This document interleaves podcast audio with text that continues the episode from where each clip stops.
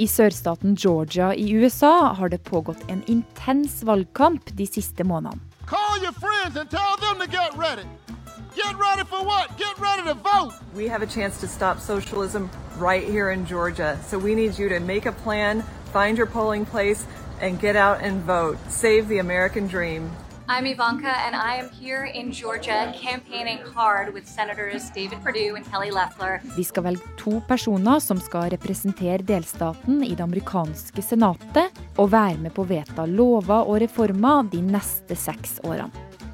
Vanligvis så skaper ikke et senatsvalg i en delstat de store overskriftene internasjonalt. Men denne gangen så gjør det det. Joe Biden har som vi vet vunnet presidentvalget i USA, men hvor mye han får gjennomført de neste årene, ja, det avhenger av om partiet hans også får flertall i eh, Senatet. The balance of power in the Senate hanging on every last vote in Georgia. In a final push before that voting begins, Democrats and Republicans are hitting the campaign trail pretty hard. Dette valget i Georgia vil være helt avgjørende for hvor mye innflytelse og makt Joe Biden vil ha i sin første periode som president.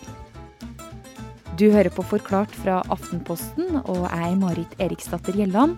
I dag er det mandag 4. januar, den første mandagen i 2021.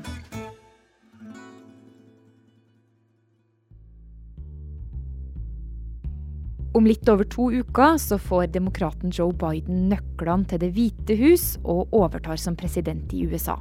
I sought this office to restore the soul of America, to rebuild the backbone of this nation, the middle class, and to make America respected around the world again. Men akkurat hvor mye av denne politikken han får gjennomført, det avgjør bl.a. et par hundre politikere som holder i Washington DC.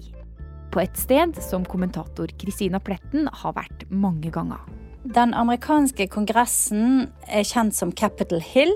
Det er en stor, hvit bygning med en kjempediger kuppel i midten. Og på hver side av kuppelen så ligger det et kammer. På den ene siden ligger Senatet, og på den andre siden ligger det som er kjent som Representantenes hus. Dette bygget huser de folkevalgte i USA. I den ene delen, som kalles Representantenes hus, sitter 435 politikere fra alle delstatene fordelt etter folketall. Og de har som hovedoppgave å forvalte budsjettet, dvs. Si at det er der man eh, avgjør hvordan pengene skal brukes. I den andre delen av dette hvite bygget så er Senatet. 100 senatorer, to for hver delstat. Og Senatet har bl.a. som oppgaver å vedta lover og å eh, godkjenne utnevnelser som presidenten gjør, f.eks. høyesterettsdommere, men også ministre i regjeringen, ambassadører og andre ting. Akkurat nå så er det republikanerne som har flertall her, men det kan ta slutt i morgen. For annethvert år så blir en tredel av senatet bytta ut.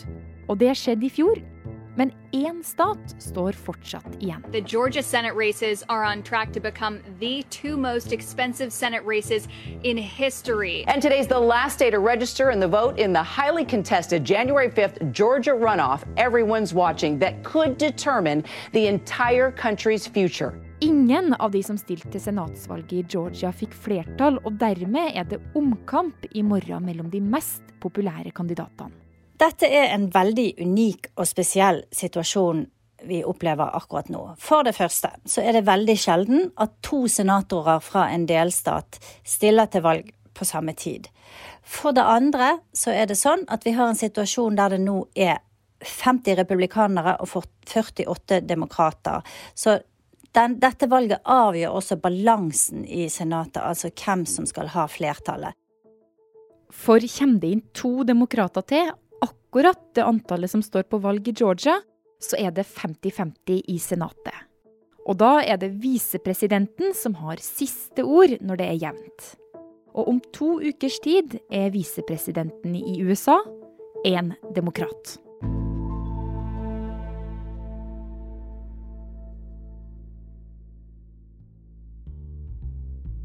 I morgen så avgjør altså et valg i Georgia hvem som får flertall i Senatet.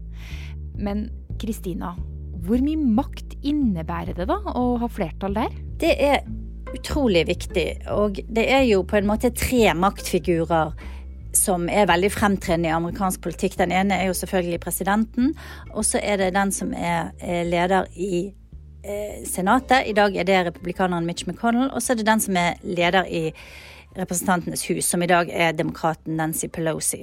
Og disse tre eh, definerer på en måte mye av det politiske bildet. Eh, lederen i Senatet eh, er den som berammer høringer, f.eks., så den velger når en høyesterettsdommer f.eks. skal få høringer. Og Senatet godkjenner dommere, de godkjenner ministre. Så uten en samarbeidsvillig partner der, så får presidenten et problem. Ikke bare med å få gjennomført sin politikk, men også med å få innsatt sine folk. Så når valget av to senatorer i Georgia avgjør hvem som får flertall fremover, så putter begge partier det de har av krefter i valgkampen. Rundt tre milliarder kroner Georgia, I know things are tough right now. er brukt på reklamer. This is America. But will it still be if the radical left controls the Senate? I'm Kelly Loeffler. I approve this message. Kampen om den ene senatsplassen står mellom demokraten Raphael Warnock og republikaneren Kelly Leffler. Hun er senatets, en av senatets rikeste medlemmer og har en bakgrunn i finans.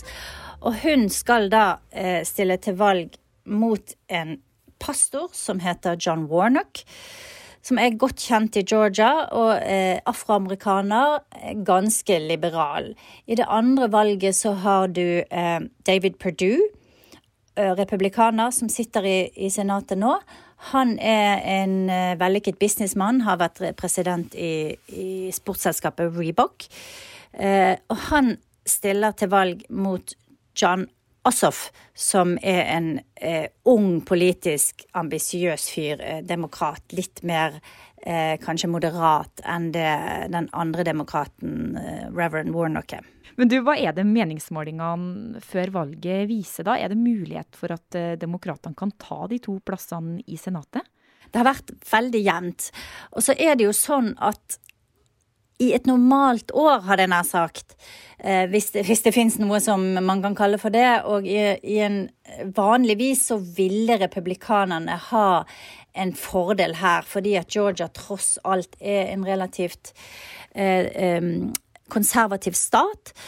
Og det er sånn at i slike valg som til Senatet, eller der det er mindre mindre fremtredende kandidater enn presidenter, så har det vært sånn at konservative velgere har stilt opp og stemt i mye større antall enn demokratene har.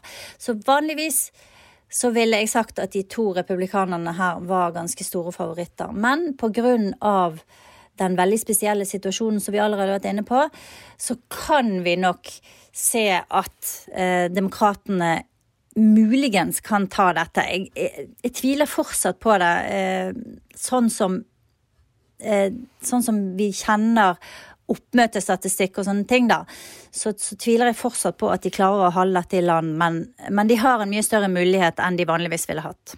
Og håpet, det er der i aller høyeste grad? Håpet for demokratene er der i aller høyeste grad, og det blir veldig spennende. Men uansett hvem som vinner, så kommer verken demokratene eller republikanerne til å få noe særlig stort flertall i Senatet. Og det fører til at politikere på midten kommer til å bli viktig. Også om det blir republikansk flertall i Senatet. For det er et par moderate republikanere som kan komme til å stemme med demokratene i enkelte saker. Det som skjer da, det er at Biden og demokratene må prøve å vende disse moderate republikanerne på en del saker for å få flertall. Mens de fleste republikanerne vil stemme mot nesten alt som kommer fra Biden, uansett hva det er. Men det her eh, er hvis, eh, hvis eh, det blir valgt inn én republikaner, eller, eller, kanskje to. Men det kan jo også hende at det blir to demokrater, da. Hva skjer da, Kristina? Da vil man få litt av den samme situasjonen, men med motsatt fortegn. Den store forskjellen vil jo da være at demokratene da får lederen i Senatet, som er den som kaller inn til høringer og som leder sakene, slik at de vil da ikke ha det problemet at ikke de får sine kandidater fremmet til avstemning.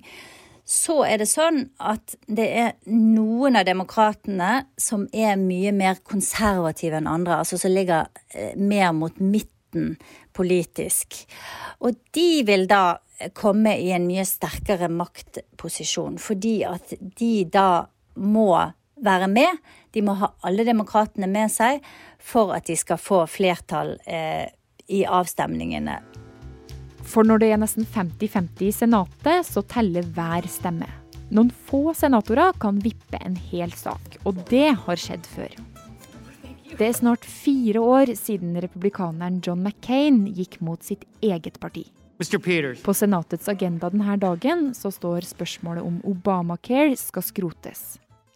Den gamle kreftsyke McCain går over det blå teppegulvet i Senatet, holder hånda fram og vipper tommelen ned.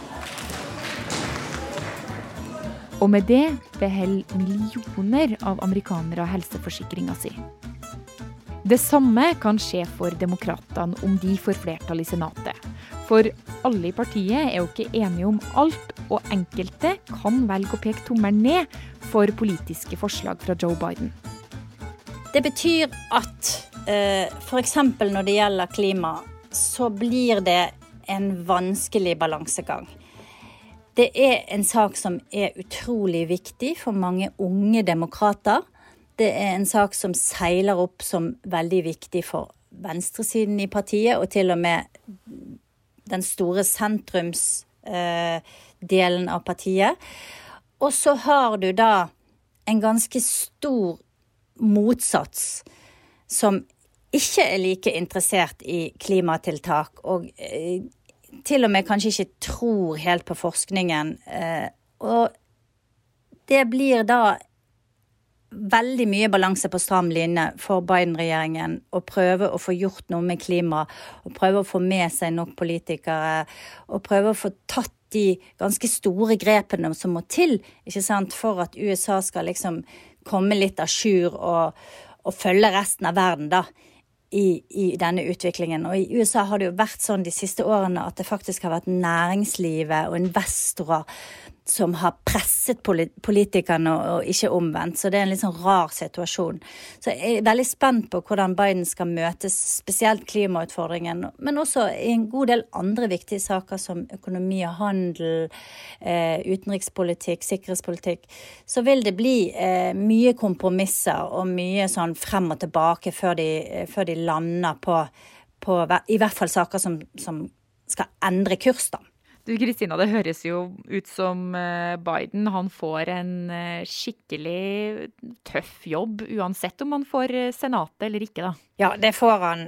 Og så har jo Biden sagt veldig klart at hans første oppgave på en måte nå er bare å bygge opp igjen byråkratiet og staten, og få håndtert koronakrisen på en ordentlig måte. Så jeg tror det første året eller rundt om det, så vil han kunne trekke litt sånn fordel av at det er en unntakstilstand, og at de er nødt til å få rett og slett ting til å fungere igjen, da.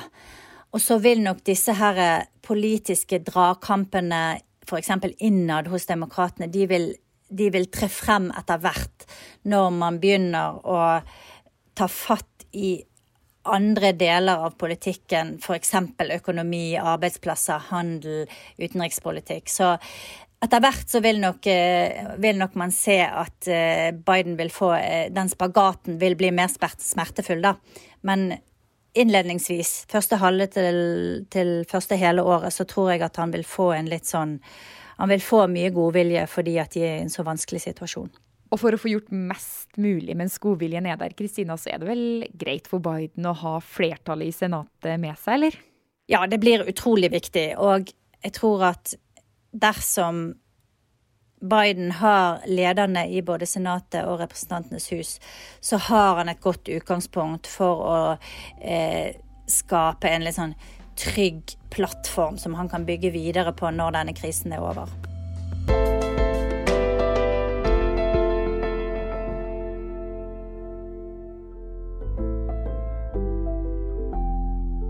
Denne episoden var laga av produsent Fride Nesten Onsdag og meg, Marit Eriksdatter Gjelland.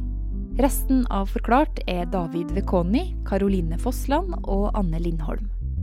Du har hørt lyd fra Facebooken til Rafael Warnock og Kelly Leffler, NRK, NBC, ABC, VG og Aftenposten.